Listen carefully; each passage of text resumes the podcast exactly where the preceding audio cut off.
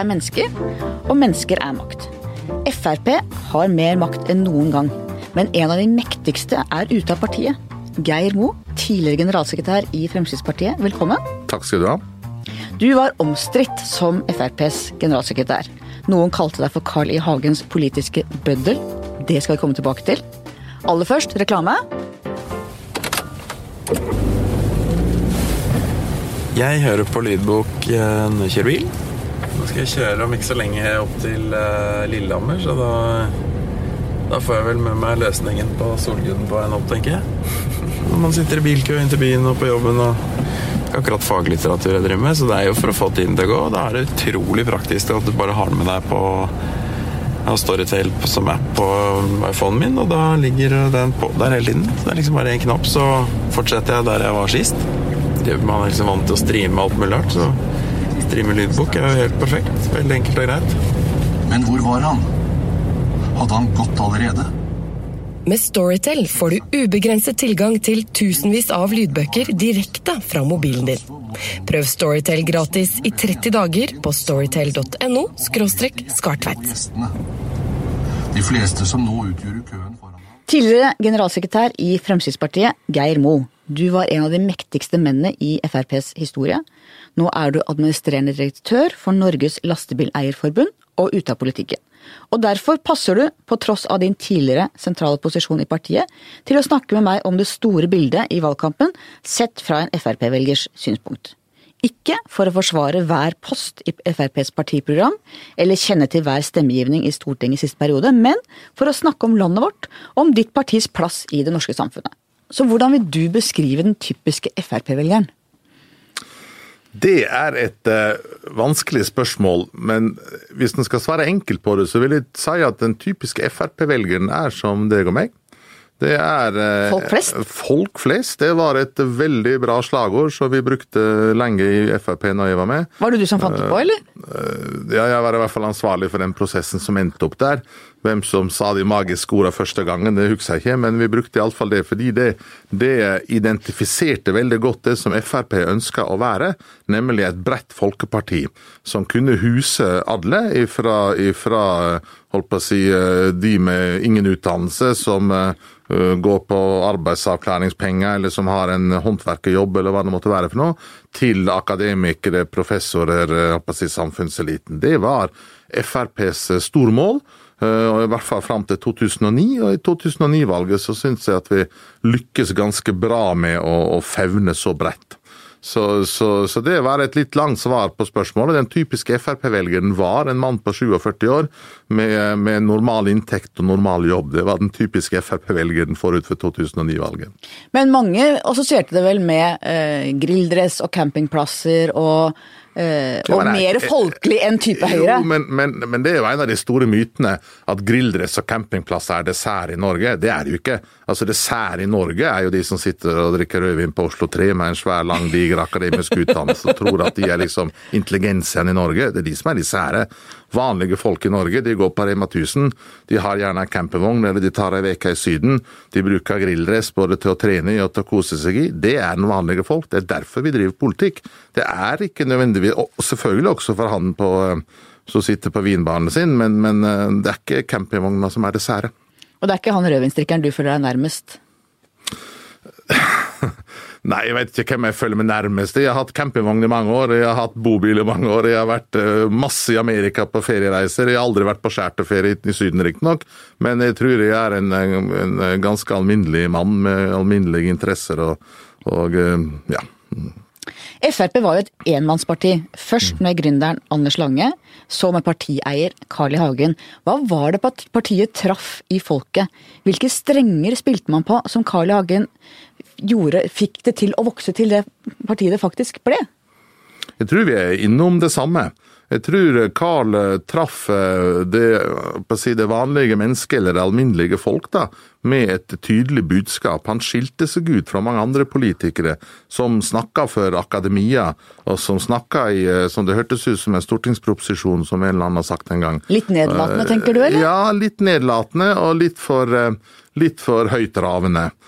Carl kom inn med et klart og tydelig, tydelig språk og klare og tydelige svar, og, og, og var annerledes, ville noe annet. Så traff han ei bølge Eh, som vi for så vidt ser nå, der folk følte en slags form for avmakt overfor de som styrer. Og Det er jo den klassiske greia i politikk. ikke sant? Greier du å treffe den, så lykkes du også. Er du en del av samfunnseliten, de som styrer, så er sjansen din for å lykkes mye dårligere. Og Hva tenker du det var med Norge den gangen Frp begynte å vokse under Carl. Hagen? Hva var det med Norge som gjorde det mulig? Vi var et forferdelig lukka samfunn. Husk på det at du hadde ikke lov å kjøpe brød etter klokka ett på søndager. Du, du hadde én telefonleverandør. ja, På lørdager, på søndag var det jo stengt. Unnskyld, på lørdager. Unnskyld, på lørdager. Viktig presisering. og du hadde én telefonleverandør, og, og husker da vi skulle ha altså Min mor og min far skulle bestille telefon på 70-tallet, så var det venteliste for å få lagt inn telefon. Vi hadde én TV-kanal, én nyhetssending, én radiokanal. og Hvis ikke du var der, så eksisterte du ikke. Og du var regulert eh, på, på alle mulige områder. Og så kom det ei bølge, som eh, vi så andre steder i verden, med Ronald Reagan i USA, med Margaret Thatcher i, i England, og med for så vidt Frp eh, i Norge. Og Høyre seila også på den bølga på begynnelsen av 80-tallet. Men jeg tror det, det, det, vi var der. Vi var med å åpne opp samfunnet, vi var med å avbyråkratisere samfunnet, og vi var med på å gi folk større individuell frihet. For det begynte jo med skatter, avgifter, reguleringer, mm. og så etter hvert så ble innvandring et viktig tema. Hvor viktig tenker du at innvandringsspørsmålet var for partiets vekst? Det er helt åpenbart viktig. Innvandringsspørsmålet har alltid en eller annen form vært en av FrPs desidert viktigste saker. Eh, det er det ingen tvil om. Det var det, og det er det fremdeles. Og så har det variert litt om hvor mange andre saker som også har vært viktige. Eh, og innvandringsspørsmålet var, når vi diskuterte strategi og la strategi forut for f.eks. For 2009-valget, så, så, var vi jo voldsomt bevisste på at Frp skal ikke være et ensaksparti. Hvis du skal bli et bredt folkeparti i Norge som kan sitte i regjering over lang tid og være med å bygge samfunnet også fra regjeringskontorene, så må du ha mer enn én sak. Da må du ha svar på alle politiske saksområder, og du må ha, ha politikk på alle politiske saksområder. Og så må du på en måte treffe denne uh, populært kalt småbarnsfamilien i 30-åra. Liksom, du må på en måte treffe der. Og da kan ikke du bare ha én sak. Uh, og Det har jo nok vært et dilemma for Frp opp gjennom åra. Denne, denne, balansen mellom det å ha ei stor sak og mange små, eller å ha mange store saker der ei eller to kanskje er litt over. Og Hvordan vurderer du FrPs politikk og retorikk på innvandringsspørsmålet i dag, og de andre partienes opp mot det? Innvandringspolitikken er jo historien om FrPs store seier og gjennomslag. Uh, og Det er en historie som jeg syns det er for dårlig til å fortelle. Jeg synes de burde, de burde, feire mye mer at de faktisk har lykkes, når du ser på, på, hvordan dette er i dag, og ikke minst hva de andre partiene mener om dette spørsmålet, hva Arbeiderpartiet mener om dette spørsmålet. Så innvandringspolitikken er FrPs store, store seier.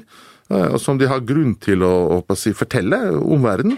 At vi har faktisk lykkes med å, å ha en eh, sterk begrensning i, i, antall eh, innvandrere til Norge, og en sterk begrensning i antall asylsøkere. De har det gjennomslaget deres, og det er akseptert blant det breie lag både av folket og andre politiske partier at man skal ha en politikk som Frp har stått i spissen for.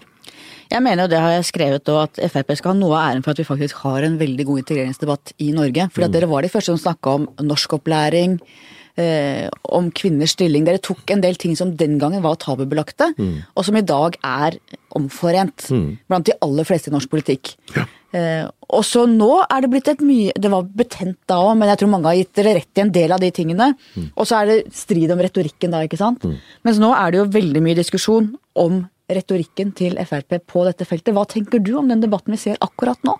Ja, Det tenker jeg er en avsporing. Det er et, det er et forsøk fra, fra noen partier til å skape avstand.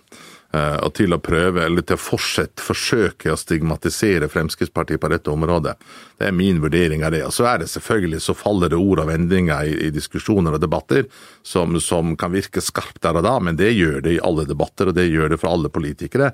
Men den store debatten vi har sett nå om, om retorikk, det tenker jeg først og fremst er en, er en uh, avsporing og et forsøk på å skape avstand.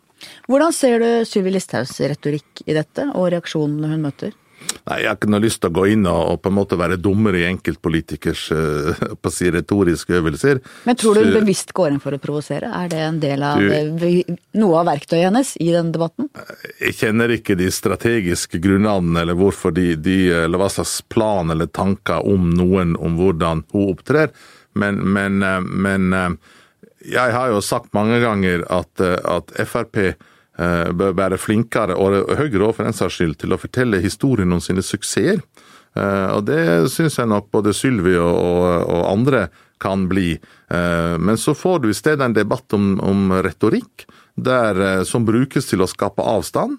Og når du først da blir det, så er det noen som må dra til litt mer på ett område for å skape større avstand, eller motsatt, for å skape oppmerksomhet. Og dette er jo si, kjente, kjente debattekniske grep da, fra begge sider.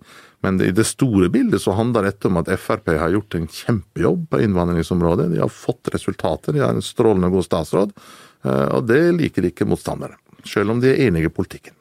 Men er det ikke et paradoks at det er best for Frp når politikken deres ikke virker? Jo flere flyktninger som kommer, jo mer fokus det er på saken, jo bedre er det for Frp. Og jo strengere politikk, altså jo mer Frp-politikk og jo færre som kommer, jo lavere blir oppslutningen for Frp. Ligger det ikke et paradoks der? Jo, men er det ikke sånn det er i, eh, i politisk arbeid, da? Det er jo alltid lettere å demonstrere mot noe enn å demonstrere for noe. Det har vi jo sett i mange politiske debatter opp gjennom årene, ikke minst i EU-saken eh, og i andre spørsmål. Så er det alltid lettere å mobilisere mot noe enn for noe.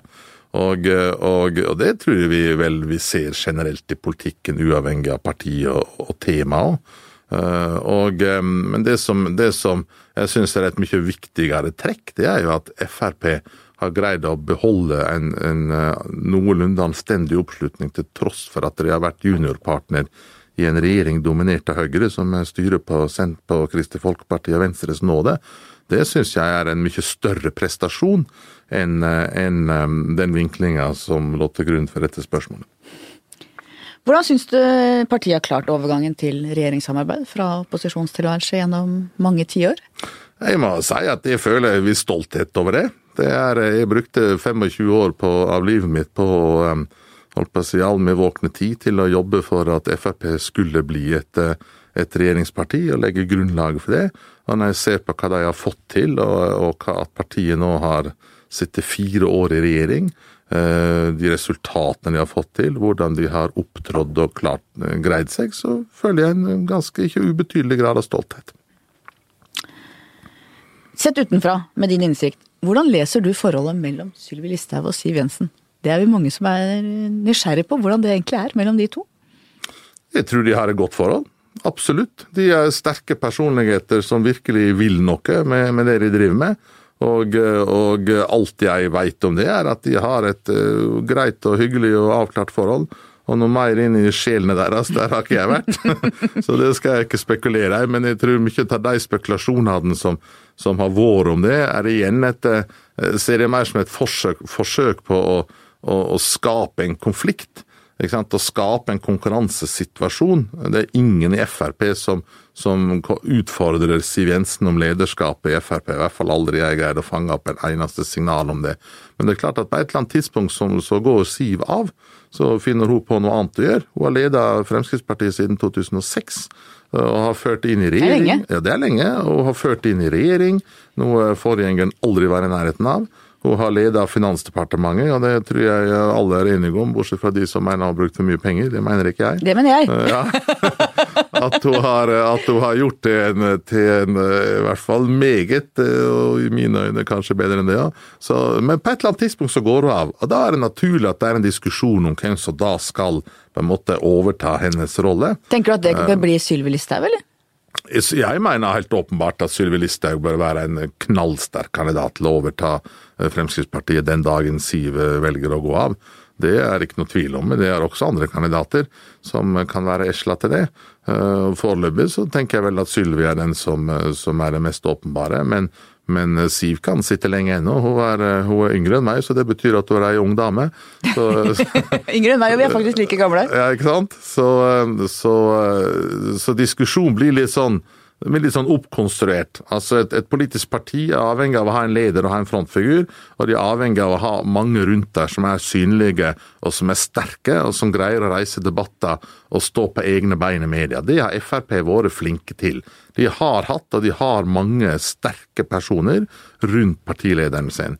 Og Siv Jensens lederstil, eh, i motsetning kanskje til forgjengeren, har vært å dytte fram andre, få andre fram i lyset, eh, og vise bredden i partiet. Det har hun lykkes med. Den strategien for sitt lederskap har Siv lykkes med knallbra. Og Da får du selvfølgelig grunnlaget for det som pressa elsker. da. For når VG og andre skriver om politikk, så er jo ikke de så opptatt av å skrive om sakene. Vi er det òg, men vi liker ja, også en god personfight. Dere liker, eh, dere liker spillet, sexen og sensasjon. Og når dere skriver om politikk, så er det de tre kriteriene som, som er utgangspunktet for hvordan dere dekker. Det er min påstand. og det tror jeg, Her er vi helt uenige. Det forundrer meg ikke. Og det er klart at Når du legger sånne kriterier til grunn, så er jo den type saker er jo kjempemorsomt. Men det er jo snakkes internt i partiet nå. Er du gæren? Dette er jo noe Selvfølgelig er det det. Ja, ja, ja, Tenk hvis det ikke hadde vært det, da. Ja, Tenk hvis ikke jeg hadde skrevet om det. Ja, tenk hvis, ikke, det, tenk hvis ikke det hadde vært en diskusjon om hvem som skulle overta Fremskrittspartiet når Siv gir seg innad i partiet. Klart det er det. Det skulle bare mangle. Det er en del av partidemokratiet. Og at det er mange sterke der som, som, som, som andre mener skal dyttes fram. Helt åpenbart. Men hvorvidt Sylvi sjøl er klar for det, det vet jeg ikke. Det har jeg ingen formening om. Du sa i talen til Siv Jensen på hennes 40-årsdag noe sånn som at du ikke visste så mye om henne privat, at du egentlig ikke kjente henne så godt. Sier det mest om deg eller om henne? Jeg syns det var en utrolig interessant uttalelse den gangen. Håper si sa jeg det? Nå sa noe som ligna, jeg husker ja, ikke ordet. Var, var du der? Nei, men jeg så det referert. Ja, ok. Uh, ja, nei, jeg, jeg, kjenner nok Siv mye bedre etter hennes 40-årsdag i så fall. Men, uh, men uh, Siv, eller er, har du en posisjon sånn som Siv har. Og Det samme gjelder Carl, og det tror jeg gjelder de i andre partier, og både Hadia og Jonas og det hele tatt. Så er det klart at du er nødt til å holde avstand til, til, til dine omgivelser. Du er nødt til å ha private rom. Du kan ikke omgi deg med partifeller og kolleger og osv. hele døgnet. Et Men hun er en privat, Siv Jensen er ganske privat som type, er hun ikke det? Selvfølgelig er hun det. Og det, er, og det har jeg stor forståelse for. Siv er et uh, veldig flott menneske, men hun har behov selvfølgelig for å ha et privat rom og trekke seg si, unna og slippe å se alle hun, hun jobber sammen med. Og, um, og, sånn er det. Hun er jo mer en insider som type. Mm. hun liker å være innenfor en av gruppa. Hun er som du sier et teammenneske. Mm. Mens Carl I. Hagen er mer en outsider, ikke sant. Selv da han var Stortingets visepresident, mm. virkelig makteliten i Norge og innafor, så var han i opposisjon og på utsiden sånn eh, mentalt. Mm. Hva betyr den forskjellen mellom de to for partiet, for valgene de har tatt, og for veien videre? Alt. Utdyp. Carl eh, jeg håper å si, er født opposisjonspolitiker. Eh, og eh, er forma som opposisjonspolitiker. Eh, hans politiske liv er forma si, i kamp, det høres litt pompøst ut, men, men, det er jo forma i en kamp for oppmerksomhet, og, og, og bidra til å få oppslutning rundt det som alle var overbevist om var et dødfødt prosjekt, og som ble mer og mer kontroversielt prosjekt. Og så Han følte nok at det er mange så ned på han òg, jeg tror det har formannen? Selvfølgelig, det er eh, helt åpenbart at han gjorde det. Han har en eh, flott utdannelse, han hadde en flott jobb, og så begynner han i politikken, og så blir han på en måte den han ble i politikken. Mens Siv har jo en helt annen tilnærming til det. Hun er jo forma i et parti som har stor oppslutning. Hun ble aktiv på, på midten av 90-tallet og har liksom vært med på skal jeg si, for noen oppturen. Hun har tatt det videre. Uh, og, og Carl, etter min vurdering, kan hende jeg feil i det, men det tror jeg ikke, Carl kunne aldri brakt Fremskrittspartiet inn i regjering. Jeg tror du har helt rett. Ja, da, måtte vi, da måtte de hatt over 50% oppslutning, og det hadde de aldri fått. Selv om vi var langt opp på 30-tallet på noen målinger. Eh, Carl dyrka uh, meningsmålinger, dyrka oppslutning på en måte på, på områder, mens Siv dyrka resultater og gjennomslag. Og Det er liksom den store forskjellen på de. Uh, grunnen til det er jo selvfølgelig at de er forma av den tida de har operert i. Eh, så, så, uten Siv, eh, ingen Frp-regjering. Eller det blir litt feil, for det kunne jo vært andre som kunne gjort jobben, men, men Carl kunne i hvert fall aldri ha tatt partiet inn i regjering. Tror du at Frp nå er transformert til et ansvarlig regjeringsparti, eller er det fortsatt et naturlig opposisjonsparti? Det er, et, eh, det er et vanskelig spørsmål. Nå er det fem år siden jeg slutta i Fremskrittspartiet. Og, eh, og Men nå er du her som Frp-velger, da, så Ja, jeg er som, jeg er som Frp-velger, men jeg er jo ikke så på innsida i, i det partiets liv og levnet som det en gang var, selv om vi snakka med utrolig mye mennesker. Men, men jeg syns den transformasjonen de har gjort, eh, jeg syns den opptreden de har hatt i regjeringskontorene, måten de fleste statsråder har håndtert jobben sin på, hvordan de fremstår, så mener jeg at de fremstår som et dyktig, seriøst, ansvarlig regjeringsparti. Og så får vi, eh, og hvis de vinner valget nå sammen med Høyre, sånn som ting kan tyde på at de gjør, så får de jo sannsynligvis fire år til regjeringskontorene. Og da er i hvert fall en transformasjon gjennomført. Eh, Hvis det ryker ut nå, så, så kan det nok øh, kanskje være krefter som vil reindyrke en mye tøffere opposisjonsrolle. Men det vil jo være avhengig av, av sitsen i Stortinget, eh, og hvordan det nye flertallet da eventuelt blir danna.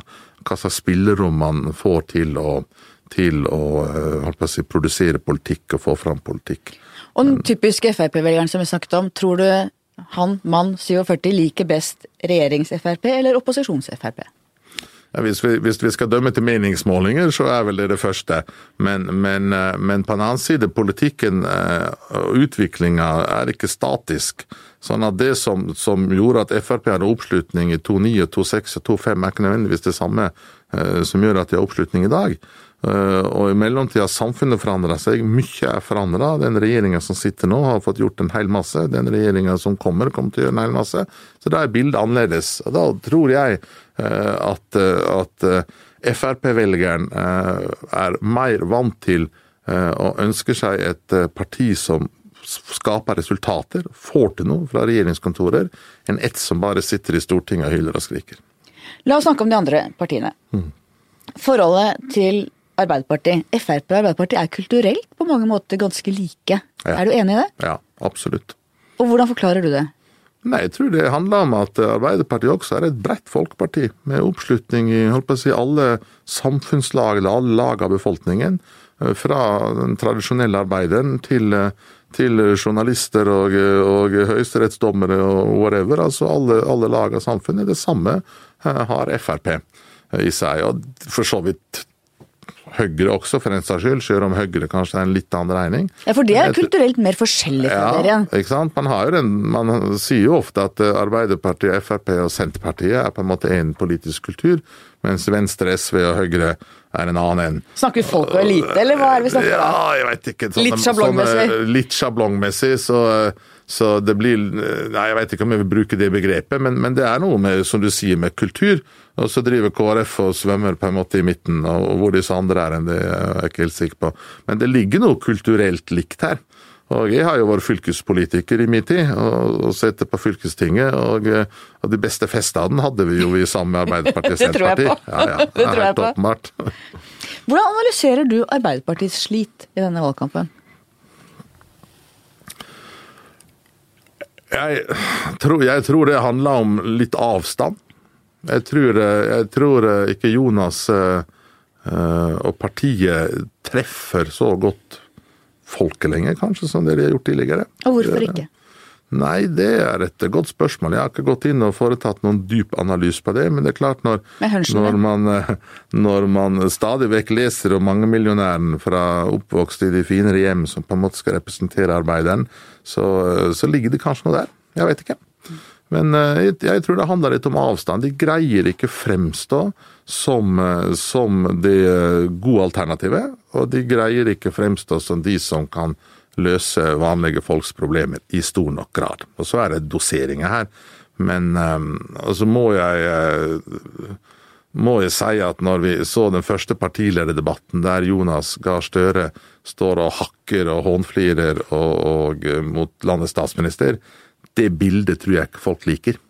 Jeg tror folk liker et bilde av det største partiet som seriøst opptrer med verdighet, eh, og opptrer med, med, med den eh, ja, verdighet som den rollen krever, da. Eh, Jeg tror ikke man liker et bilde av en Arbeiderpartileder som står og hånflirer og er spydig mot en statsminister. Jeg tror det ligger en del der.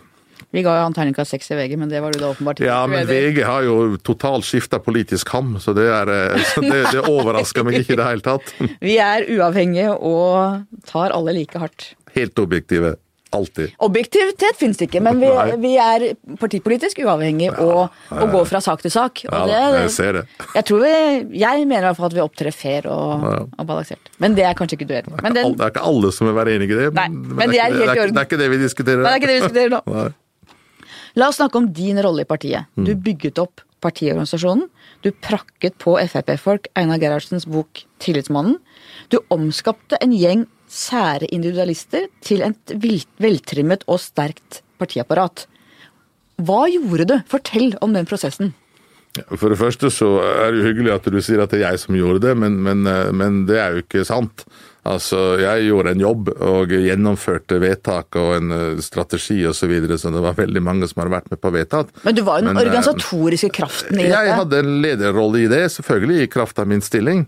Eh, Men det som, det som prega Frp på den tida, var jo at vi hadde et vi hadde sentralstyre som var veldig tydelig på, på hva som var oppdraget. Vi hadde et klart og tydelig oppdrag, det var at dette partiet skal forberede seg på at en dag så skal vi inn i regjering. Det arbeidet startet da Siv Jensen og Terje Søviknes ble valgt som nestledere i 1999 på, på, i Stjørdal. Og, eh, og vi tre fikk det oppdraget å begynne å jobbe med det. Eh, Og dermed så var det på en måte ok, vi hadde et mål, vi hadde et oppdrag. Og hva måtte vi gjøre for å få til det, da? Jo, det første vi må jobbe med, er jo kunnskap. Og organisasjonskultur og organisasjonsetikk.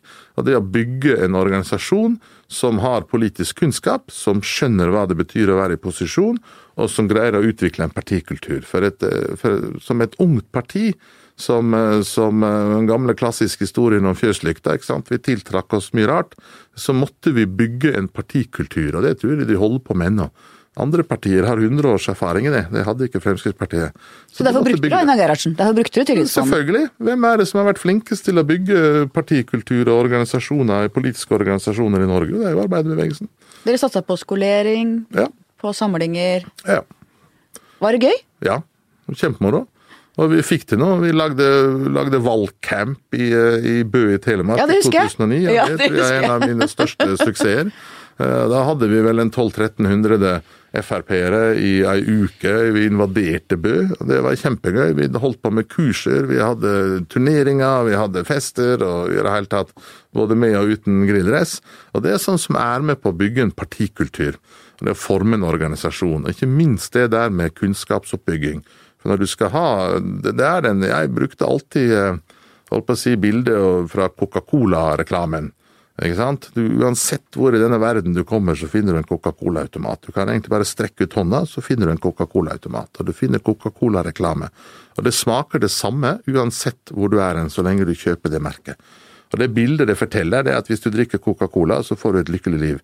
Ikke sant? Det er jo det, det, det bildet det kommer. Og hva forteller det oss, da? Coca-Cola er jo et kjempebrand. De trenger kanskje ikke gjøre det, men de gjør det. Og sånn er det med et politisk parti òg. Et politisk parti må være gjenkjennelig.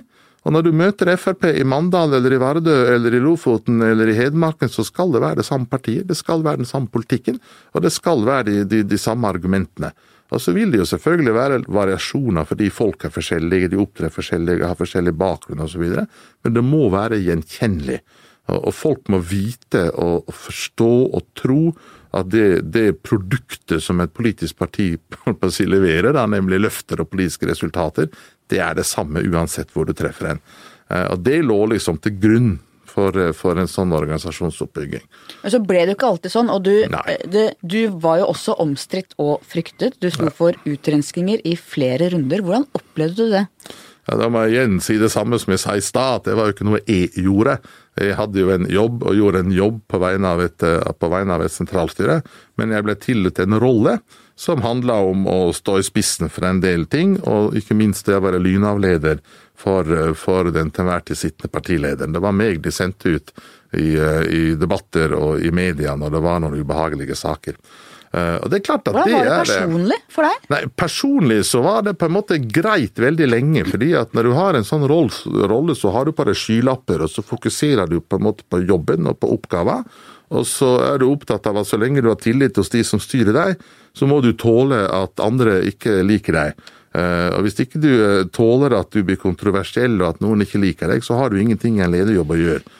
Hvis du skal være i en lederjobb, og uansett hvor du er hen, og alle skal gå rundt og like deg, så tror jeg egentlig ikke du gjør noen jævlig god jobb. Så, men det er klart at etter hvert så blir jo det det belastende.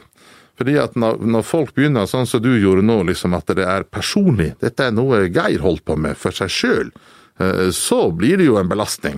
Og når folk slutter å skille sak og person, og begynner å, å gå til angrep på person, og i stedet for å og ta de som da faktisk bestemmer, så går de etter, etter de som gjør jobben, så blir det ubehagelig. Og det, er, og det var jeg gjennom i Frp, men du må tåle det jo. Eh, du ble jo generalsekretær rett etter landsmøtet i Bolkesjø i 1994. Mm. Mange av de som hører på dette er antagelig for unge til å vite hva som skjedde, men landsmøtet på Bolkesjø ble, fikk etter hvert navnet Dolkesjø. Mm. Fortell kort hva som skjedde der. Det var jo et gedigent personlig og politisk oppgjør. Eh, mellom, eh, mellom eh, de som ønska et ideologisk mye mer reindyrka liberalistisk parti der og da, og de som hadde det samme målet, men som innså at vi måtte bruke lengre tid. Det er den korte forklaringa på det som skjedde på Bolkesjø. Men det var dramatisk. Eh, ikke sant? Fordi at oppi dette da, så ble det jo en gedigen personoppgjør også. Mellom Carl særlig, og de som da satt i hans sentralstyre og eh, de som hadde et annet politisk syn. Det ble personlig. Og det ble, eh, kom til brudd mellom gode politiske venner, og folk meldte seg ut, og det var en vanvittig korridorsnakk. Vi satt og gråt i gangene fordi vi holdt på å si, mista i gåsetegn våre politiske venner. Eh, og, så det var, en, det var en ganske skjellsettende opplevelse. Er det det vondeste du har vært med på sånn politisk? Ja, Det, det veit jeg ikke, fordi ting blekner jo med tiden, og det har vært mange slag etter det. ja. Jeg må nok si at det vondeste, De vondeste sakene man har vært involvert i, de, de sakene har du aldri hørt om. Uh, og så er det noen du har hørt om fordi det har stått himla mye i avisen om det, men som har involvert mennesker og som har involvert overgrep og i det hele tatt, og det er mye vondere enn en, en politiske oppgjør. Selv om, eh, om Bolkesjø var, en, eh, var en, eh, en, gedigen greie, så handla det jo på en måte bare om politikk. Og, og folk som ikke hadde tålmodighet nok til å, til å se an en utvikling og jobbe for en endring, men som skulle ha alt der og da. Ungdommelig overmot, tenker du? Det var jo stort sett de unge? Ja, de var ikke så unge noen av de da. De hadde passert både 40 og 50 et par av de. Men, men noen av oss valgte å bli. Siv Jensen og jeg valgte å bli. Eh, og flere med oss. Eh, men vi tilhørte jo akkurat den samme generasjonen. Mens vi, eh, vi hadde den innstilling at skal vi forandre noe og bygge noe, så må vi gjøre det fra innsida. Vi må ha tålmodighet. Det nytter ikke, og det var et veldig godt bilde som Carl brukte den gangen. Han sa det på den måten at de velgerne som han og Jan Simonsen og, og, og Jon Alveim og andre skaffa, de skulle denne liberalistiske gjengen, for å bruke den litt sånn flåsete uttrykk, bruke til sin greie. Det stemte ikke. Og det hadde han helt rett i. Eh, det hadde han helt rett i. Og så var det 2001. Mm. Utrenskningen da. Da var det de mer ytterliggående på høyresiden som ble skjøvet ut. Hva skjedde da? Ja, Om vi skal kalle det høyresiden eller hva vi skal gjøre, det får nå så være. Men, men, men, da hadde du nok en, en, nytt politisk oppgjør mellom de som den gangen ønska et, et reindyrka anti-innvandringsparti og som virkelig ville ha det og opportunismen som sin ene store sak. Eh, og Det så vi kom veldig til uttrykk i Oslo, og vi så det rundt Vidar Kleppe og vi så det rundt Jan Simonsen. og Det var, det var nok sånn sett et gedigent oppgjør i den andre grøfta. Som vel var helt nødvendig? Absolutt. Hadde ikke vi gjort det den gangen, så hadde Frp aldri vært det vi var i dag. Ja, Da hadde det vært mer som de ytterliggående høyrepartiene vi ser i Europa, vil jeg tro? Ja, det tror jeg. Og, eh, og om vi ikke skal dra det så langt, så hadde vi i hvert fall vært et eh, parti langt unna regjeringskontorene om en politikk som iallfall ikke jeg hadde kjent meg igjen i. Og, det, og, noen av de tingene som ble sagt den gangen, og dem som man brakte fram, at at ja, vi kunne ikke gjøre noe med Vidar Kleppe, vi kunne ikke gjøre noe med Jan Simonsen, vi kunne ikke gjøre noe med, med, med noen av de andre, for de var så sterke. Vi kom til å miste så mye velgere på det, trodde de aldri på. Og, og vi visste jo at de, vi mista ikke noen velgere på det. Fordi at du er ikke, uansett hvor, hvor viktig man måtte være som person, og særlig i egne øyne, så er du ingenting uten en organisasjon og uten en parti og uten noe rundt deg. Uh, og det så vi den gangen. Alternativet som vokste fram, Demokratene, har jo aldri blitt noe som helst. Ja, Det gikk ikke så bra. Nei, det er bare tull. Mm. Eh, Carl I. Hagen har vært i podkasten her før. Han fortalte bl.a. om eh, hvor få fortrolige venner han hadde. Eh, du var etter hvert den eneste, eller i hvert fall veldig få i partiet, som Carl I. Hagen og kona Eli hadde et nært og fortrolig vennskapsforhold til. Beskriv ditt forhold til dem. Nei, jeg har eh, i alle år hatt et godt forhold til Carl og Eli, vil jeg si. Vi har selvfølgelig hatt våre uenigheter og i det hele tatt, men vi har alltid hatt et respektfullt forhold. Carl har vært sjefen min i veldig mange år, og vært eh, skal si, både mentoren min og veilederen min, og gitt meg utrolig stor tillit. Eh, Det tok eh, så stor tillit at det tok tre dager etter at jeg begynte som generalsekretær, før han ringte og ønsket meg velkommen på jobben. Så, så da, da må han jo ha hatt stor tillit til at det skulle fungere. Jeg husker jeg begynte i september i 1994, og tre dager etterpå så ringer Carl og så sier han ja, ja, du er på plass, kanskje vi skal ta en prat.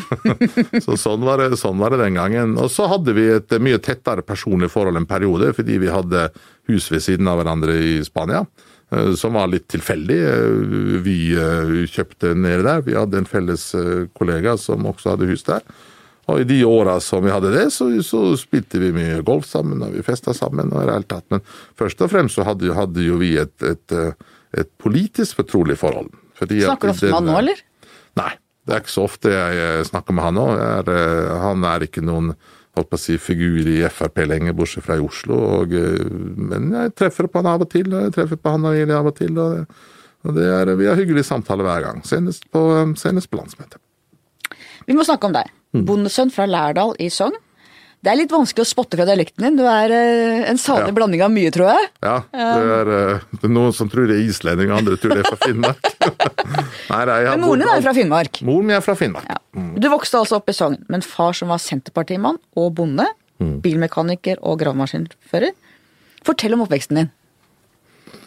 Jeg vokste opp på gard. eh, Bestefar min reiv, og far min senere overtok. Og det var et, en oppvekst med alle de klassiske holdt på å si, eh, utsagnene, med, med tillit og lærte å bli selvstendig og ta vare på seg sjøl, alt det der som man sier. Men det var også en oppvekst med hardt arbeid.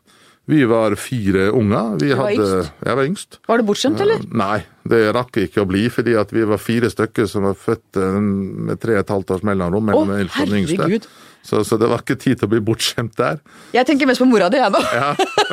oi, oi, oi. Ja da, hun, hun fikk det. Og vi, hadde, og vi bodde på loftet i kårhuset. Vi hadde utedo frem til jeg var fire. Og til eldstesøstera mi da var sju-åtte. Og moren min sto i elva og skylte klær etter å ha vaska de. Og vi hadde kaldt vann innlagt om sommeren. Så det var liksom ganske enkle kår. Eh, Men så når, når, når hun kårkona, for å kalle det det, døde, så overtok vi hele huset, og far pussa opp det, og, og vi fikk mer normale forhold. Eh, Men det vet, vi måtte være med tidlig. Jeg jobba på, si, på den gården i hele oppveksten min. og Vært med og luka og vært gjennom mine fars forskjellige perioder med eksperimentell landbruk. Alt fra rosenkål og rødbeter, alt mellom himmel og jord. Hva slags arbeidskraft han hadde, jo det var også ungene. Og hva slags type var han, faren din? Han var, eh, han var streng og fjern, for å si det sånn. Det er, eh, det er nok det jeg husker. Han er blitt mye mildere og mye tettere med åra. Eh, Var du redd for han, eller? som, eh, Ja, selvfølgelig er man redd for faren sin. Og med god grunn òg. For gjorde man noe, så, så fikk man jo høre det. Og så Den gården som jeg er født på, eller oppvokst på, da, den ligger veldig nært ei elv. Og Det betyr at det aldri er stille der. Og Det betyr at man blir ganske høyrøsta. Så jeg er kjent for ei kraftig stemme, og det har jeg fordi jeg vokste opp i elvesusen. Så da måtte man snakke høyt. hvis man Og det gjør du. Det gjør jeg. Og moren din, hva slags type var hun? Hun var eh, vanlig husmor. eh, kom fra Finnmark. Finske aner? Finske aner, ja, på begge sider. Så jeg er nok eh, Snakka hun finsk òg, eller? Eh, Ja, noe, men hun forsto finsk. For da vi var i Pasvik hos uh, mormora mi på, på hytta hennes da jeg var ung og sånn, og vi var i badstua, så snakka alltid de voksne finsk, fordi da skulle ikke ungene forstå hva de snakka. Skjønte du noe? Kan du noen finske ord? Nei, jeg kan ikke mange finske ord. Var du nærmere moren din enn faren din, eller? Ja, det var jeg nok. Absolutt. Hva slags type var hun? Var hun uh, høyrøsta, livlig, stille, forsiktig? Eh, jeg veit ikke, hun jobba stort sett. Hun holdt på å stelle hus og heim, og det var ikke noe Altså, på en gård på 70-tallet så var det på Vestlandet, eh, med dyr og med grønnsaker og whatever, så var det ikke mye tid til noe særlig nære familierelasjoner. Og med fire unger så tett i alder og to søstre som okkuperte badet halvdagen, så, så jeg vet ikke, det var ikke noe det var en helt grei oppvekst, og vi, fikk, vi ble lært opp til å måtte ta vare på sjøl og styre med sjøl og til å arbeide. Det var egentlig det som var greia. Og jeg flytta jo ut etter ungdomsskolen. Jeg begynte på videregående skole, så flytta jeg øh, bort. for Da måtte du på hybel for å ta skole. Og siden så har jeg egentlig aldri bodd i Lærdal. Bestefaren din hadde altså mer enn 50 års medlemskap i Arbeiderpartiet, og du valgte Frp allerede som 13-åring. Du ble fanget av Carl I. Hagen på TV. Men det må ha vært noe mer? Var du generelt i opposisjon? Hva var du opptatt av? Hvordan så du verden den gangen? Nei, det var ikke opposisjon. Jeg kan aldri huske at vi hadde noen politiske krangler hjemme. Bestefar var eh, veldig stolt av sitt eh, diplom på veggen for 50 års medlemskap i Arbeiderpartiet. Underskrift av Gro Harlem Brundtland? Underskrift av Gro Harlem Brundtland. Og far min var eh, først og fremst en, en pragmatisk politiker som ønska å få til noe. Var i teknisk utvalg og jobba mye med reguleringsplaner og liksom sånne ting. Og ingen sånn voldsomt sterk politisk ideolog. Og hvor han står politisk i dag, vet jeg ikke, men jeg er ikke helt sikker på om han er så veldig happy med Senterpartiet. Men, eh, men, men det var nok mest det som prega samme bestefar min. Han var, en, han var børsemaker, urmaker, snekker, bonde, politiker, bankmann, lagdommer. altså Han holdt på med utrolig mye rart. Historiker. Brede folk, da. Gjorde ja, mye. ikke sant? Og, og far min det samme. Han er 78 år nå og står i verkstedet og reparerer klokker hver dag. ikke sant? Og holder på. eh, Og har holdt på med politikk og alt det du nevnte. Og det er folk som er pragmatiske, som vil ha løsninger, og som vil være med å bygge og skape noe. Så jeg tror nok det er nok mer det jeg har fått med meg. eh, Enn en, en de store politiske, ideologiske diskusjonene. For det, det kan jeg ikke huske vi hadde da jeg, jeg vokste opp. Eh, Far min og jeg har nok prata politikk mer i voksen alder, men, men ikke da jeg vokste opp. Kunne det blitt Arbeiderpartiet på deg? Du var altså tross alt samvirkelagsbestyrer som 18-åring. Du hadde en rød-grønn familiebakgrunn, og kom fra et område i landet der Frp ikke var særlig hot. Ja, og hun jeg bor sammen med, Lill, hun, hun eh, sier jo at nå er jeg blitt så pragmatisk at jeg nesten er blitt en sosialdemokrat, hun, og hvilket jeg protesterer heftig mot. Men har hun eh, et poeng, eller? Nei, jeg, jeg veit ikke. Jeg har, eh, jeg har eh, Jens Stoltenbergs første regjering.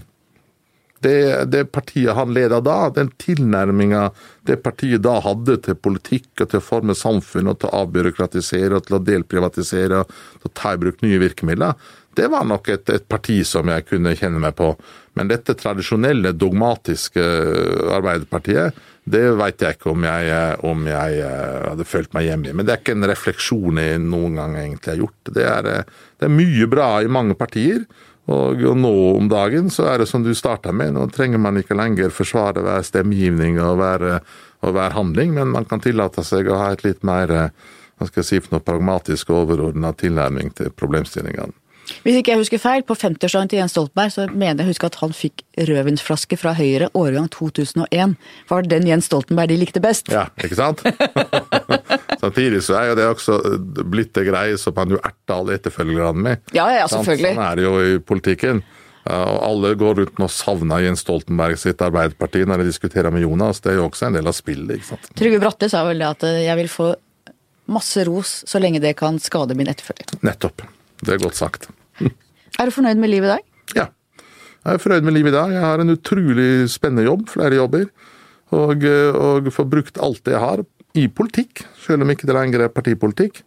Så, så er det politikk jeg holder på med, enten jeg driver med trafikksikkerhet i Trygg Trafikk, eller veipolitikk i Opplysningsrådet, eller å fremme norsk transportnærings interesser i, i, for norske politikere og for EU-kommisjonen. For, ja, for nå jobber du altså for lastebileiernes interesser. Hvordan var overgangen fra Frp til en interesseorganisasjon? Måtte du gjennom en periode med kjærlighetssorg, eller var det deilig å forlate politikken? Eller begge deler, kanskje? Eh, begge deler. Eh, og jeg pleier alltid å presisere det på sånne spørsmål at jeg forlot partipolitikken, ikke politikken. Fordi at eh, NLF, eh, som jeg leder nå, er jo en nærings- og arbeidsgiverorganisasjon. Og det vi driver med, er jo å sørge for at norsk transportnæring skal kunne være konkurransedyktig også i framtida. I en tid der eh, behovet for transport kommer til å vokse kraftig. Og det, og det er i aller høyeste grad politikk. Eh, I tillegg så er jeg så heldig at jeg får lede Trygg Trafikk som styreleder, og så sitter jeg også nå som styreleder i Opplysningsrådet for veitrafikken. Og da holder du på med trafikksikkerhet og transport og veier og samferdsel på, holdt på å si, de fleste nivåer. Det er politikk. Og så spør du om jeg savner partipolitikken, og svaret på det er nei. Eh, Jeg hadde hatt en rolle i det partiet i så mange år at det er en rolle som jeg egentlig var ferdig med, og som jeg egentlig var ferdig med i 2009, når jeg gikk av første gang, for jeg har jo gått av flere ganger. Eh, Og, eh, og det bestemte jeg meg for før valget i 2009, at jeg skulle slutte ut som generalsekretær. Og så gjorde jeg det, og ble Sivs stabssjef. Og så måtte jeg tilbake i en periode, fordi han etterfølgeren min ble ikke der lenger. Og, og, og da var jeg tilbake et års tid, og så slutta jeg. Og så, og så var jeg sjuk en periode. Og når du da si, ligger hjemme ganske lenge og er dårlig, så får du jo god tid til å tenke over ting og tang, da. Og da kom jeg til den eh, beslutningen at ok, nå var liksom min tid partipolitikken ferdig.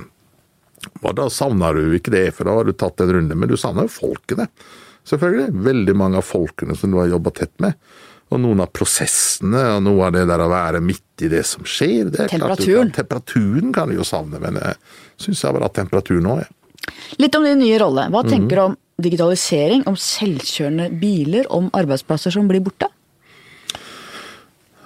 Si det kommer, og det kommer fortere enn det vi eh, aner. Det er vel det store svaret på det, at det, at det kommer. Teknologien er jo der allerede.